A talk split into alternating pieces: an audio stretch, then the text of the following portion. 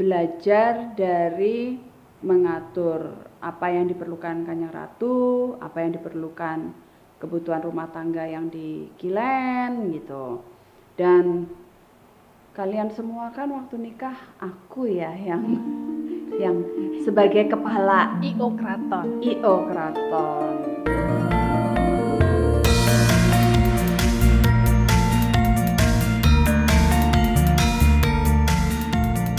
Salam Rahayu. Kembali lagi di podcast Remuk Rasa Putri Kedaton. Eh, yang episode lalu kita udah banyak membahas tentang pengalaman Mbak Chandra Kirono waktu menempuh studi. Kali ini saya Hayu mau mengajak para pendengar podcast semua untuk mengenal lebih dekat Mbak Kirono. Ini soal pandangan hidup, C, dan Waduh. segala aktivitasnya. Tetap di Rembuk Rasa Putri Kedaton ya. Mbak Kirono, selamat datang kembali. Sehat, Mbak? Sehat. Nanyanya gitu amat. Lah kepiye? ini ini nanya kita semua udah divaksin ya mbak. Ah, Kemarin ya. tuh fotonya itu anu loh, lemaknya do ketoknya kandel-kandel gitu. Jadi suntikannya tuh amblesnya atuh gitu. Kalau kemarin itu kan kita ngobrol tentang gimana masa kecil, terus pengalaman Mbak menempuh Hmm. studi. Nah, kalau kali ini anu dong, tanya-tanya soal kegiatannya Mbak Kirono ya. Iya. Apa ya kegiatanku ya? Oke, Kegiatanku apa sebutkan tiga lembaga yang Mbak punya tanggung jawab di dalamnya. Eh, kalau di dalam keraton saya memegang Panitropuro, Kawedanan Hageng Panitropuro. Itu eh, semacam seknek lah begitu. Hmm. Nah, lalu kalau di luar dari keraton itu saya dah, sudah dua kali memegang jabatan sebagai ketua Karang Taruna Daerah Istimewa Yogyakarta. Dan sudah dua kali juga eh, memegang jabatan sebagai direktur Rekso Diah Utami yaitu lembaga di mana di Daerah Istimewa Yogyakarta yang bergerak dalam bidang pemberian bantuan kepada perempuan dan anak korban kekerasan. Begitu. Jadi dan itu dulu awal mualanya itu diprakarsai oleh GKR Mas Oh RDU-nya. RDU-nya singkatannya RDU begitu Eh, kayak flashback dikit nih ya Mbak. Mm-mm. Nah, awal mulanya Mbak nyemplung dalam tiga organisasi itu gimana Mbak? Eh, ini sih nggak nyemplung dijoroke ya sebenarnya nggak gitu sih jadi gini kita itu kan tidak bisa memilih organisasi apa yang harus kita ambil ya karena memang itu sudah menjadi salah satu eh, tanggung jawab kita bersama lah untuk pengabdian kepada masyarakat begitu. Kalau di Karang Taruna dulu aku diminta oleh Mbak Mangkubumi sewaktu dia menjabat terakhir gitu. Hmm. Ya aku tadi nggak mau gitu loh karena eh, kalau aku itu tidak setelaten Mbak Mangku untuk eh, mendengarkan orang atau gimana gitu loh dulu, dulu ya Ya. dulu. Tapi nggak taunya dengan berjalannya waktu ya saya mencintai di situ gitu loh karena eh, teman-teman Karang Taruna itu apa ya berjiwa muda dan mereka berinovasi sangat bagus dan yang membanggakan adalah kita selalu meraih juara juara satu juara dua dan eh, juara tiga itu jarang gitu loh Ini apa tingkat nasional? tingkat nasional Oh, oke. gitu. Jadi biasanya kabupaten kota itu diseleksi dulu, Hmm. dipilih. Nah, juara satunya itu dikirim ke tingkat nasional Oh. gitu. Uh, ya sangat membanggakan lah gitu. Kita boleh bukan boleh, tapi kita harus berbangga atas uh, anak-anak muda. Harus berbangga, boleh sombong sedikit. Iya. gitu. Ya contohnya aja kecil, bukan promosi ya, tapi misalnya seperti Gua Bindul. Itu juga teman-teman Karang Taruna juga Apa terus pengelolaannya? pengelolaannya ada teman-teman Karang Taruna. eh, lalu pembibitan apa? Pembibitan lobster itu Hmm. juga. Lalu ada juga yang eh, di Sleman deket Prambanan kalau nggak salah udah lama sekali saya nggak ke sana itu Eh, jadi teman-teman Karang Taruna ini eh, saling membantu memberikan jadi kayak dibikin mereka bikin grup gitu eh, giliran untuk membantu orang eh, orang lansia. Oh, jadi setiap hari mereka memberikan makan Mhm. jadi pagi, siang, malam Hmm. untuk khusus lansia gitu. Jadi di daerah itu lansia mm, nggak banyak sih, cuman ma- di bawah 100 kalau nggak salah waktu itu salah satu program mereka adalah bantuan kepada lansia itu. Itu kan apa patut dibanggakan kan Ya. gitu loh. Nah, terus eh, kalau di Reksodia Utami itu memang saya pernah dibawa sama ibu dulu untuk waktu awal-awal saya belum di situ ya. Jadi untuk melihat bagaimana kekerasan terhadap perempuan waktu itu. Oke. Nah, saya diajak dalam sebuah diskusi. Ibu cuman gini, kamu ikut saya, duduk aja, dengerin aja waktu itu Hmm. gitu. Nah, dalam diskusi itu ada yang menjadi ketertarikan saya waktu itu, itu gini loh. Jadi perempuan ini punya status sosial yang cukup tinggi lah. Kebetulan dia itu punya jabatan yang lumayan di dalam sistem peradilan Oke. gitu loh. Tapi begitu di rumah dia tidak bisa apa-apa Hmm. gitu dan dia mempunyai ketakutan tersendiri untuk eh, apa ya? Untuk melangkah Keluar dari situ. keluar dari situ sehingga eh, waktu itu berdiskusi dengan eh, kayak psikolog pokoknya seperti itu Mhm. Eh, bukan dianya sih tapi kayaknya tuh adiknya kalau nggak salah Mhm. yang berdiskusi dengan eh, dengan eh, kita waktu itu dan di situ saya cuman berpikir bahwa wow eh, perempuan dengan jabatan yang tertinggi pun dia ada ketakutan tersendiri gitu kan jadi di situ butuh pertolongan Hmm. gitu nah jadi dari situ selesai kita apa diskusi di situ ada tidak hanya itu ya tapi ada beberapa permasalahan lah waktu itu kalau nggak salah. Di mobil ibu bilang gimana menurut kamu? Gitu. Terus ya aku bilang "Hmm, memang perempuan itu ada keterbatasan.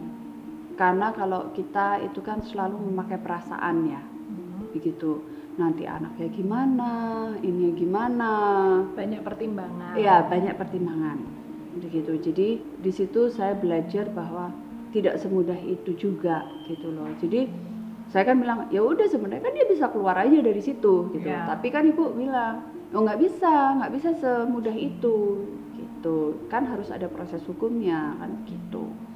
Dan di situ bagaimana eh, yang menjadi saya berpikir adalah eh, bagaimana eh, seorang perempuan bila di KDRT ya atau dibully itu rasa percaya dirinya itu sangat drop jatuh Hmm. gitu loh. Walaupun dia di kantor dia punya sesuatu yang membanggakan tapi Ya. begitu di rumah dia bukan apa-apa gitu. Nah dari situ saya bilang kayaknya aku tertarik masuk gitu. Ya udah kamu belajar dulu aja sudah dari situ masuk sampai sekarang. Stuck tapi anu sih apa bukannya saya gimana gimana cuman eh, saya dari tahun ke tahun dari kejadian ke kejadian atau dari pengalaman ke pengalaman itu nggak taunya sifat manusia itu kadang-kadang tidak bisa nggak kadang-kadang kita nggak terfikir bahwa dia itu akan seperti itu gitu loh Kalau yang kayak gitu tuh aku pernah dibilangin, kan aku juga sering tuh, kok iso toh? Kok Iya. yang ngono ki mikirnya? Aku dibilangin jadi justru kamu itu harus berbangga hati, kamu nggak kepikiran. Soalnya berarti itu membuktikan kamu bukan orang yang seperti dia. Ya. Nah, kita juga punya maksudnya di Karang Taruna untuk bidang ya, bidang untuk eh, membantu ke masyarakat seperti itu kita juga Hmm. punya. Jadi kadang-kadang eh, teman-teman Karang Taruna itu juga bekerja sama dengan B2 TPA. eh, maksudnya yang untuk di kabupaten kota gitu Oke. loh, untuk untuk langsung ke mereka gitu. Nah, eh, untuk Panitro Puro eh, dulunya itu eh, dari Romo Joyo almarhum. Jadi Romo Joyo almarhum itu eh, mengangkat kitab kalau nggak salah 2011 itu mengangkat kita semua Mhm. jadi eh, wakil pengageng waktu itu. Jadi aku wakil pengageng Panitropuro, terus Mbak Mangkubumi wakil pengageng Kawedanan Ageng Punotakawan Parwo Budoyo, Maduretno itu wakil pengageng Kawedanan Hageng Punokawan Parasroyo Budoyo. Terus kalau eh, Bendoro itu wakil pengageng Kawedanan Hageng Nityo Budoyo. Nah, kalau kamu kan soalnya ada tempat sendiri dan Romo itu udah udah ini jadi, Jadi- kalau nggak salah kamu masih di luar waktu itu. 2011 iya. Iya kan? Tondo Yaktinya kan belum ada tahun Iya, 2011. ha-ha. Nah, aku juga nggak tahu tuh kenapa kok Romo tidak mengikutkan kamu. Aku nggak ngerti ya, gitu. Hmm, jadi waktu itu, yaitu aku nanya sama Romo, eh, kenapa aku yang dipasrahin untuk menjadi wakil pengageng di bawahnya Romo. Hmm. Eh, lalu Romo. Joyo bilang bahwa ya kan yang ngurusin Ngorso Dalem Kanjeng Ratu dan seluruh eh, rumah tangga Keraton Kilen kan Jeng Kirono gitu. Eh Jeng Condro, manggilnya aku Jeng Condro. Oh, nggak bisa Mbak Mangku. Eh, waktu itu Mbak Mangku masih Mbak Pembayun ya. Oh, nggak bisa Mbak Pembayun, Romo. Ya ora. Oh, coba Pembayun kan yang jopo kan gitu waktu itu begitu. Ya ya sudahlah gitu. Nah, jadi berawalnya dari situ. Memang sempat beberapa kali aku diskusi sama Romo sih tentang seperti apa sih Panitro Puro itu. Cuman karena eh, tidak sempat seluruhnya ya, cuman eh, karena Romo Gerah terus Romo Sedo 2014 kalau nggak salah. Jadi awal mulanya aku masuk di Panitro Puro itu seperti itu, gitu Jang. Eh, belajar dari mengatur apa yang diperlukan Kanjeng Ratu, apa yang diperlukan kebutuhan rumah tangga yang di Kilen gitu.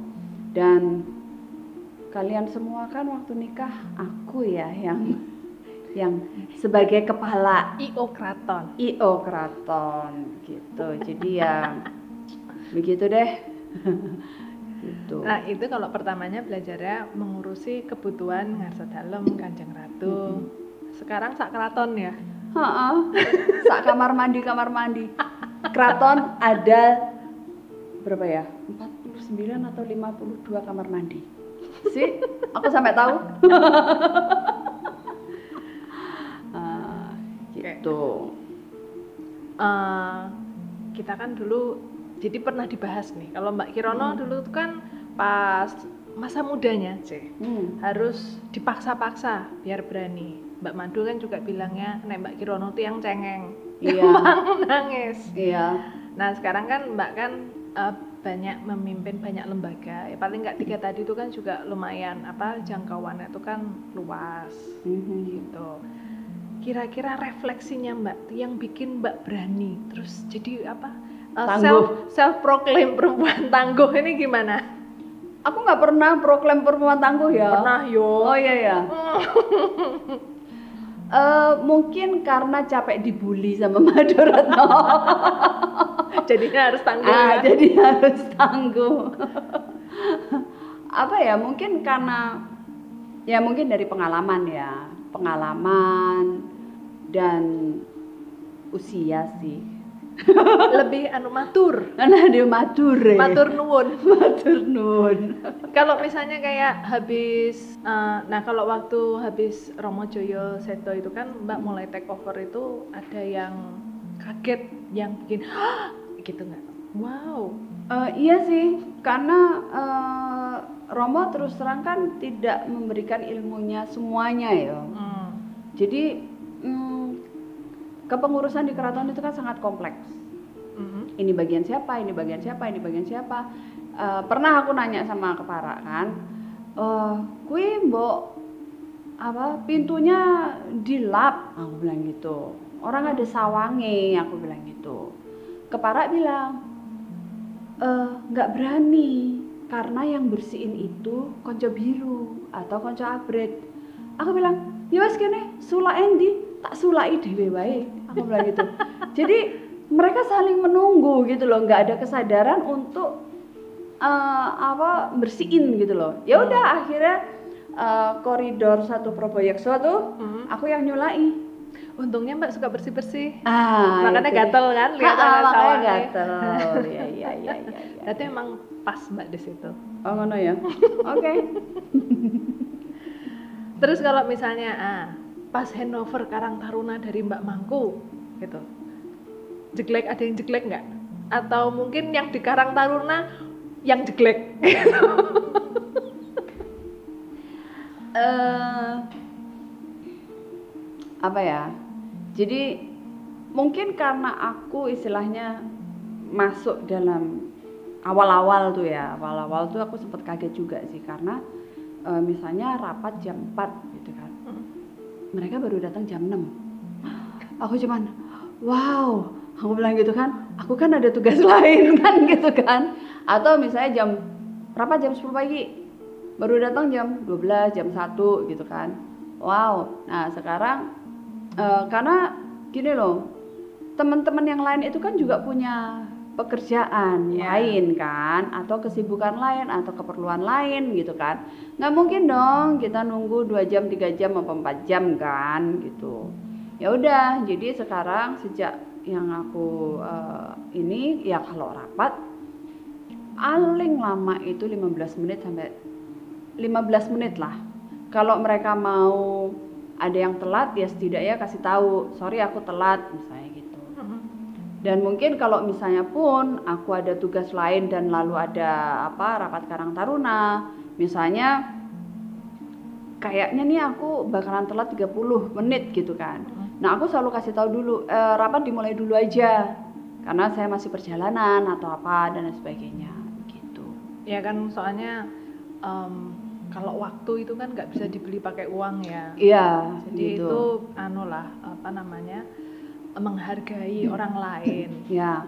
Terus kalau Karang Taruna itu kan ada sisi ininya ya apa eh, kayak birokrasi dan lain sebagainya lah Mhm. gitu kan.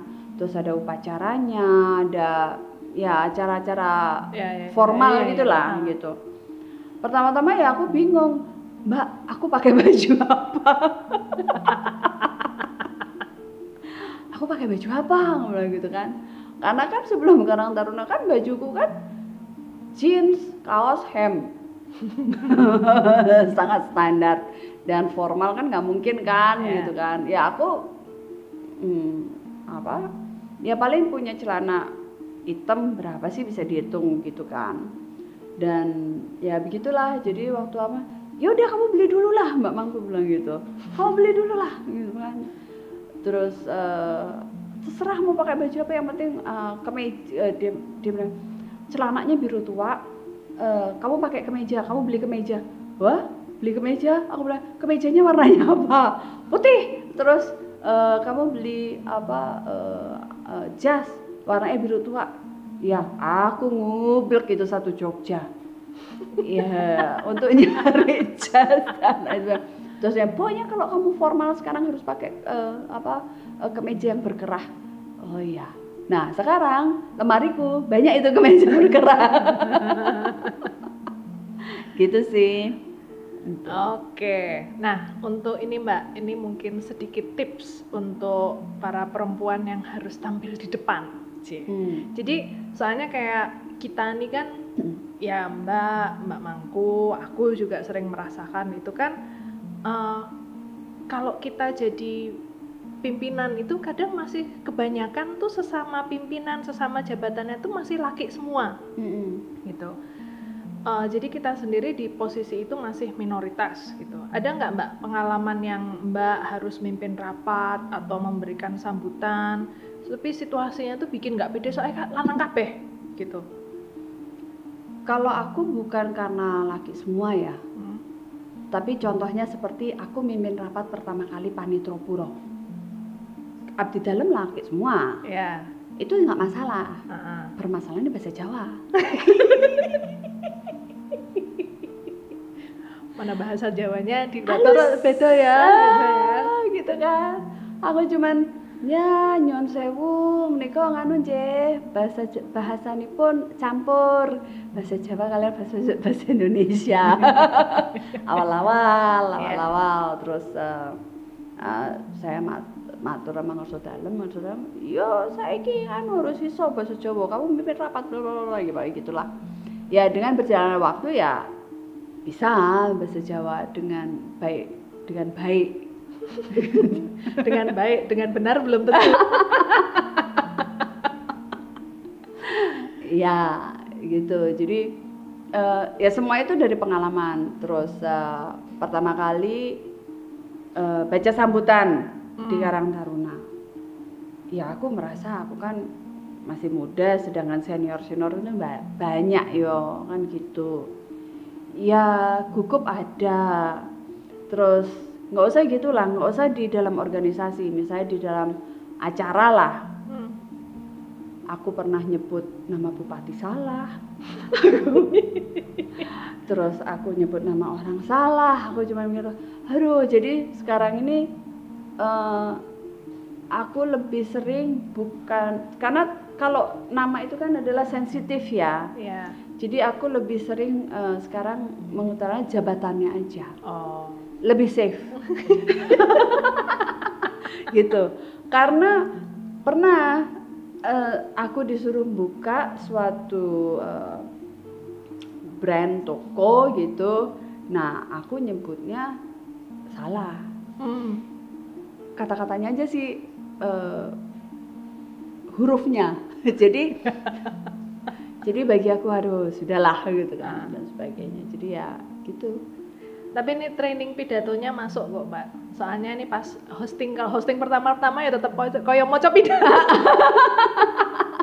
Terus aku sering aku sering ini, aku belajar dari bapak. Ah. Jadi gini, kalau bapak itu awal-awal dulu, kalau bapak itu baca sambutan, oh ini ya di sini, ini ya di sini, ini ya di sini gitu loh. Jadi Hmm.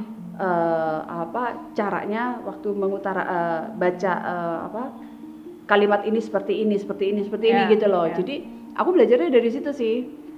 Gitu. Malah-malahnya. Habis Mbak Mangku juga nggak nge-training, jadi cuman eh, kau jadi ketua Karang Taruna sono. Gitu. Walaupun ya sebenarnya gini eh, beberapa kali pertemuan memang mamangku masih Ya. ikut gitu kan, maksudnya transisi lah. Tapi terus habis itu dibantu teman-teman Karang Taruna yang lain. Gitu. Hmm.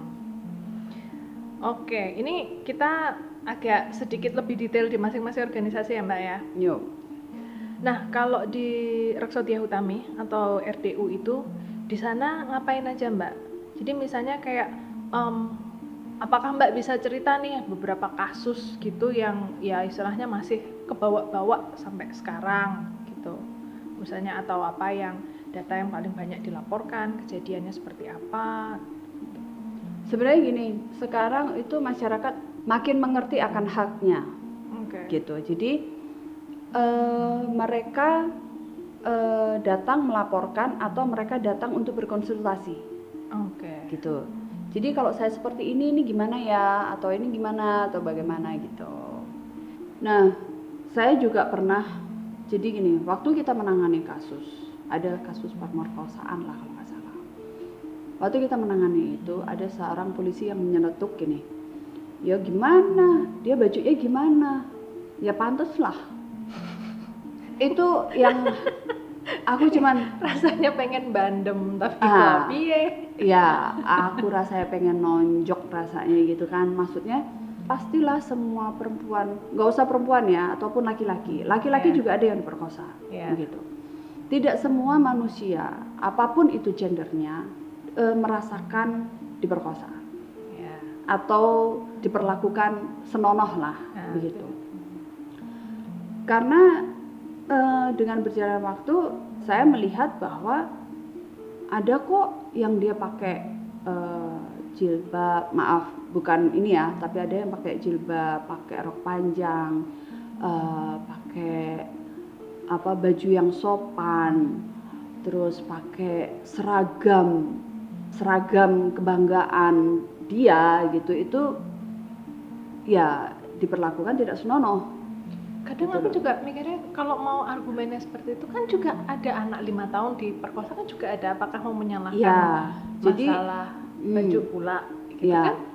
Jadi hmm, dan biasanya yang memperlakukan tindakan seperti itu adalah orang yang terdekat. Hmm. gitu loh. Oke mungkin oh, apa orang eh, kebanyakan orang terdekat ya yang melakukan itu terhadap orang lain gitu loh karena ada juga kasus yang misalnya bapak terhadap anaknya kandung loh ya Hmm. bukan tiri itu Hmm. juga ada tiri juga ada lalu ada yang kakaknya juga bisa omnya Hmm. kakeknya gitu jadi bukan dari cara penampilan atau bentuk badan atau bagaimana gitu Jan dasare pelakune wonge wae to Iya, gitu. Dan sebenarnya dengan adanya tekanan, mungkin sekarang orang banyak yang stres ya. Dan sebenarnya gini, di Indonesia itu pelaku pedophile itu banyak sebenarnya, Hmm. tapi tidak terdeteksi. Begitu. Lah, tapi ada yang nikahin anak umur 9 tahun dia didiemin aja tuh yang pada ngetop-ngetop itu. Nah, itu. Jadi ya kita memang kalau misalnya sosialisasi itu berusaha bagaimana pernikahan itu sesuai dengan umurnya karena itu ber ber apa singgungan dengan kesiapan mental. Kalau perempuan itu kesiapan rahimnya gitu kan kalau Itu kalau berasumsi pernikahannya antara dua orang yang umurnya sepantar. iya Yang siji 9 tahun, yang siji Nah, sepa- separuh Nah, belia itu. gitu kan. Nah, itu. Jadi eh, memang pola pikir itu memang harus dirubah. Itu Hmm. juga ada juga yang eh, lingkungan tertentu yang mm, menikah itu dengan usia yang eh, si suami ini sudah cukup umur, misalnya 40, 50, tapi dia menikahi anak umur 12, umur 15 begitu. Ada sih juga yang seperti itu yang kita tuh juga cuman ngelus dodo, cuman kita tidak bisa melangkah masuk ke dalam jaringan itu Hmm. gitu. Sebenarnya masyarakat itu sudah mulai ini kok, sudah mulai melek istilah gitu. Ya. Kalau dulu misalnya ada yang berantem misalnya kan, wah itu masalah apa rumah tangga jadi diemin aja karena itu urusan tabu lah. A- aib, aib tuh nggak usah diumbar. aib Ki. ya aib. Nah eh, dari tahun ke tahun itu kasus itu bukan turun Mm-mm. tapi malah bertambah. Oke. Bertambah itu bukan jelek loh ya, Ya, karena makin banyak yang Karena- dilaporkan. makin banyak orang merasa bahwa aku tidak sepantasnya diperlakukan seperti itu Oke. begitu Udah bukan cuma kui kan aib, mengko ngelek-ngelek Iya. ke nama keluarga Iya, gitu iya. kan. jadi eh, sekarang itu makin eh, mereka eh, mengerti eh, apa mengerti dirinya gitu loh Iya. begitu Iya. Tapi kalau apa setelah kemarin masuk lockdown pandemi segala macam itu gimana Mbak? Karena kan ya kita juga tahu rumah itu tidak selalu menjadi tempat yang aman ya gitu kan. Nah, ini apalagi mungkin ada banyak yang kehilangan pekerjaan, ya stres, tingkat stresnya terus, tinggi oh, dan terus nggak bisa ke mana-mana banyak di rumah gitu. Hmm, sebenarnya dengan adanya lockdown kemarin dan tingkat stresnya itu tinggi, Mm, itu sebenarnya banyak KDRT malahan. mm, mm. Tidak hanya ke pasangan tapi juga ke anak. Gitu. Jadi mungkin gini. Orang tua pergi bekerja ya kan, anaknya sekolah. Mm. Nanti pulang kan sudah dengan kesibukan masing-masing. Ya, paling udah capek lah udah ya. capek kan dan sebagainya. Nah, dengan adanya lockdown itu 24 jam kan Ya. dia ya kau lagi kau lagi lah gitu kan istilahnya kan gitu. Ya kita lihat aja Bendoro. ya kan adik kita lah Mumpung orangnya nggak ada. mumpung nggak orang yang ada kita lihat aja Bendoro biasanya kan anaknya kan sekolah keluar ya kan sekarang harus eh, sekolah di rumah School from home. ya kan Uban- stres kan Ubannya nambah banyak ya. Beban tambah banyak. Contoh kecil aja lah di rumah. Terus eh, ibu ya kan Eh, dengan dengan adanya lockdown kan di Jogja tuh berapa eh, hampir setahun kan Ya, enggak. Nah. ya, ke Jakartanya hampir hampir hampir nggak pernah sama sekali. nggak pernah kan kan Ya. baru-baru ini aja Ya, ke ya. Jakartanya ya eh, tingkat stresnya tinggi Tanaman di keraton habis ya ta- tanaman di keraton berganti ganti tempatnya. Jadi ya sebenarnya ya eh, perubahan itu pasti ada, tingkat stres itu pasti ada, ya.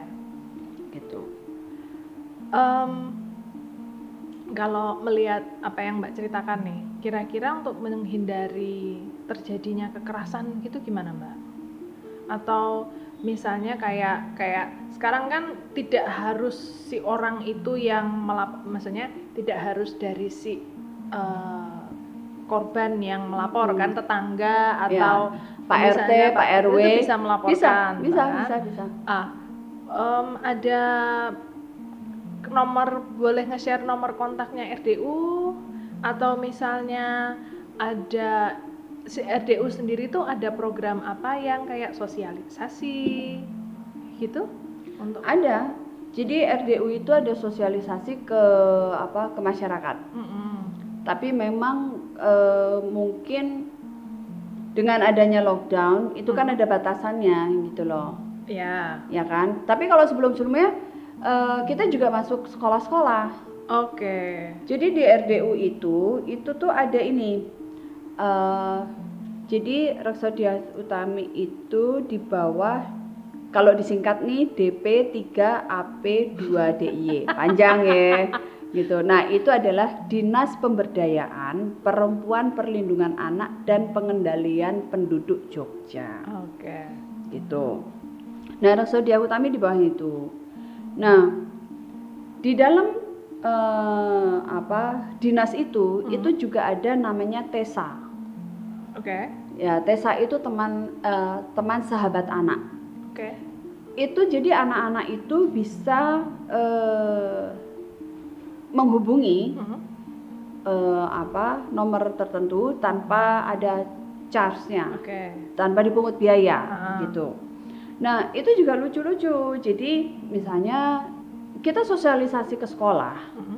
tapi sewaktu sosialisasi ke sekolah ada ibu-ibu yang ya bukan ibu-ibu sih, tapi orang tua murid ada yang kurang berkenan oke karena itu kan privasi kami di rumah. oh begitu. iya iya iya iya iya. Karena kan eh, apa ditempel kan nomor telepon ini dan Ah, ah, itu gitu. Padahal kan sebenarnya itu untuk mungkin si anak tidak bisa curhat ke orang tuanya Iya, atau tidak bisa curhat ke orang lain, iya. temennya atau apa kan. Dengan adanya sebenarnya adanya TESA itu kan sangat membantu. Heeh. Karena eh, apa eh, banyak juga anak-anak jadi yang ini, Kak, eh, ini Bapak Ibu baru eh, berantem misalnya Hmm. gitu. Jadi teman-teman TESA itu ya bilang bahwa sudah kamu di kamar saja, udah belajar atau dengarkan musik. Jadi Mm-mm. membantu si anak untuk Iya, karena apa? bingung juga dia bingung harus juga ngapain. kan Nah. gitu. Terus juga ada yang Kak, aku baru naksir ini loh gitu. Hmm. Sedangkan dia 6 SD Nah, ya kan? Nah, eh, kakak Tessa ini membimbing dia untuk yang menja eh, apa eh, jalan Jagani lah. jagani gitu Ya, loh. Karena ya umur-umur segitu mungkin kita juga mau curhat ke orang tua juga Iya. iya gitu Heeh, kan. Tapi ya kan ini nama SD ya, kamu jangan pacaran dulu gitu Yo, kan. cuma Gitu. saya berbagai kan masalahnya juga macam-macam. Iya macam-macam gitu. Terus atau mungkin juga ada eh, sekarang itu juga karena tingkat stres tinggi, eh, apa mungkin dia juga nggak tahu ke mana, juga bisa juga eh, berpikiran untuk bunuh diri itu juga ada Iya. gitu. Jadi sangat-sangat bervariasi ya. Iya gitu. sih aku suka kalau ngelihat kayaknya ngelihat baca-baca itu kayaknya jadi umur anak sekolah sekarang itu kita eh jauh lebih stres. Bullyingnya udah jauh lebih bervariasi. Iya, iya. Gitu kan? Ya, bullying itu sudah dari TK. Itu Eh, udah buset dimulai. dah. Jadi Hmm, bukan hanya fisik tapi juga kekurangan misalnya HP kamu jadul, HP ku lebih baru gitu. Jadi TK itu juga udah udah ada bullying tersendiri. Hmm. Gimana kalau kamu sampai SMA kan gitu Iya. kan gitu.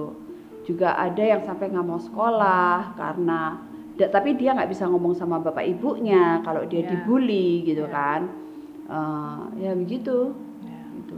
Mungkin bisa di ad- eh, di apa bisa di Google juga mungkin kan ada sih di Google namanya Raksodia Utami. Ya. Mungkin bisa di Google situ. Kalau yang Tesa itu Tesaga. Iya. I- IG-nya Tesaga itu Iya, ya. heeh, Ya. tes aja gitu. Oke. Uh, Mbak sendiri ada visi dan harapan yang terkait sama apa? uh, mencegah kekerasan dalam rumah tangga ini nggak? Kalau saya gini, eh, setiap ada masalah itu kan selalu sebenarnya ada jalan keluarnya ya. Mm-mm. Eh, untuk datang ke psikolog atau psikiater itu bukan hanya karena kadang-kadang orang berpikir gini, saya pernah menganjurkan ke Hmm. temanku, eh, mbok kamu cobalah konsultasi ke psikolog, siapa Hmm. tahu bisa membantu kamu. Mm. Gitu. Karena aku nggak gila, psikolog itu bukan untuk orang gila, saya bilang gitu, tapi di mana kamu sudah tidak bisa berpikir dengan jernih, gitu loh Ya. aku aja juga dulu juga eh, sama ibu diantar ke psikolog karena nilai Ah. rapotku gitu Aku juga karena ibu kayaknya udah udah nggak tahu iki anakku kudu diapake. jadi kalau kita kan udah biasa ya gitu jadi sebenarnya psikolog itu untuk membantu kita mengeluarkan sebenarnya apa yang kita rasakan di dalam lubuk hati yang paling Cie. dalam Tapi Cie. aku ingat kok waktu itu kan aku kalau nggak salah di bawah itu kan 3 SD, 4 SD. Itu Ya, kan Nah, mungkin ibu udah gitu. Tapi aku ingat banget eh, ibu itu sampai berkali-kali antara pokoknya ada yang mengingatkan, ada yang ada yang ngomong baik-baik kok. Aku entah itu psikolognya atau itu waktu itu ibu Hmm. bahwa tapi kamu tak bawa ke sini ini bukan berarti kamu sakit loh. Itu sampai berulang-ulang-ulang gitu. Iya, Itu mungkin soalnya stigmanya begitu kan. stigmanya begitu Padahal waktu itu aku aku juga, hah? Hah? Emangnya kalau psikolog sakit? Itu dokter ya? Nih, yang ini nggak mudeng. ya anyway itu benar-benar ditekankan sampai beberapa Ya. kali makanya emang aku masih keinget sampai Ya. sekarang. Terus misalnya kan ada juga kan psikolog itu kan bermacam-macam gitu. Ada perkawinan, ada ada- sebenarnya nggak masalah gitu. Anu lah, anggap aja tempat curhat. Ya, Nah, gitu. Oke. Dan jangan apa? Jangan eh, menolak dibantu oleh orang lain. Kalau aku ya, Ya. misalnya, tapi ya jangan terus eh, misalnya kamu curhat ke cowok ini pada cowok ini suka sama kamu ah itu bikin modus, itu jadi cari orang yang kira-kira bagi kamu itu netral Ya. gitu Anu sih mungkin kan kalau ya mungkin kita di Indonesia ini kan bukan hanya di Indonesia, human nature itu banyak orang sukanya ngasih nasihat. hmm. Ya kan? Di sekitar atau apa sukanya ngasih nasihat baik itu diminta ataupun enggak. Itu biasanya malah yang paling grisain itu yang nggak diminta aja sok ngasih nasihat. Ya Mm-mm. nah jadi anggap aja kok psikolog ini mereka bisa memberikan nasihat ya yang benar. Ya karena mereka itu kan istilahnya belajar. Mereka profesional mereka profesional sekolah. ya dan kalau misalnya butuh bantuan ya istilahnya jangan jangan eh, jangan takut atau jangan malu-malu lah. Untuk minta bantuan? Untuk minta bantuan. Gitu. Jadi apa ya eh, mungkin dia dalam rumah tangga yang misalnya eh, masih mengedepankan misalnya aib atau orang elok atau apa gitu. Cuman kalau kalau semakin hari dia semakin eh, merana atau bukan dirinya sendiri untuk apa Iya. Emangnya orang-orang lain yang bilang anu apa? Aku tuh soalnya sebenarnya gini kayak yang ya udahlah itu di di takwet ternyata bahwa itu kan udah itu urusannya keluarga. Nah, tapi biasanya orang yang ngasih nasihat seperti itu itu bukan orang yang membantu. Gitu Iya, loh. Nggak, istilahnya kalau ada apa-apa sama kita mereka nggak gak ikutan nanggung. iya. Gitu. Karena kan kadang-kadang kan orang kan gini, ah nanti malu tetangga ngomong apa, eh, Ya. itu kan. Ya memang kita hidup bertetangga ya. Tapi kan apakah tetangga itu membantu kita? Apakah apakah tetangga itu punya kerjaan lain selain ngurusin kita? Nggak usah tetangga. Apakah orang lain itu eh, apa mengerti kita membantu Iya. kita untuk melepaskan semua yang diderita? Yes. Gitu deh. Jadi ngelantur. Ya wes ya wes. Ya. gitu Hmm. eh, ini sebenarnya tuh masih pengen yang banyak yang pengen tak kepoin mbak. Cuma kayaknya udah lama. Udah bosen. Udah udah lain kali aja deh nyambung lagi soalnya diirit-irit ini untuk ya, jadi podcast saya kita episode itu bisa banyak gitu loh mbak oh oke. ya udah aja ya mbak ya yo yo yo yo, yo. jadi nanti kita sambung lain kali sembari siapa tahu keponya bisa menghasilkan update yang lebih terkini. Matur nuwun Mbak Kirono sudah hadir dan Sama-sama. berbagi. Sekian dulu podcast Rembuk Roso Putri Kedaton kali ini. Sampai jumpa kembali pada episode berikutnya ya. Bareng.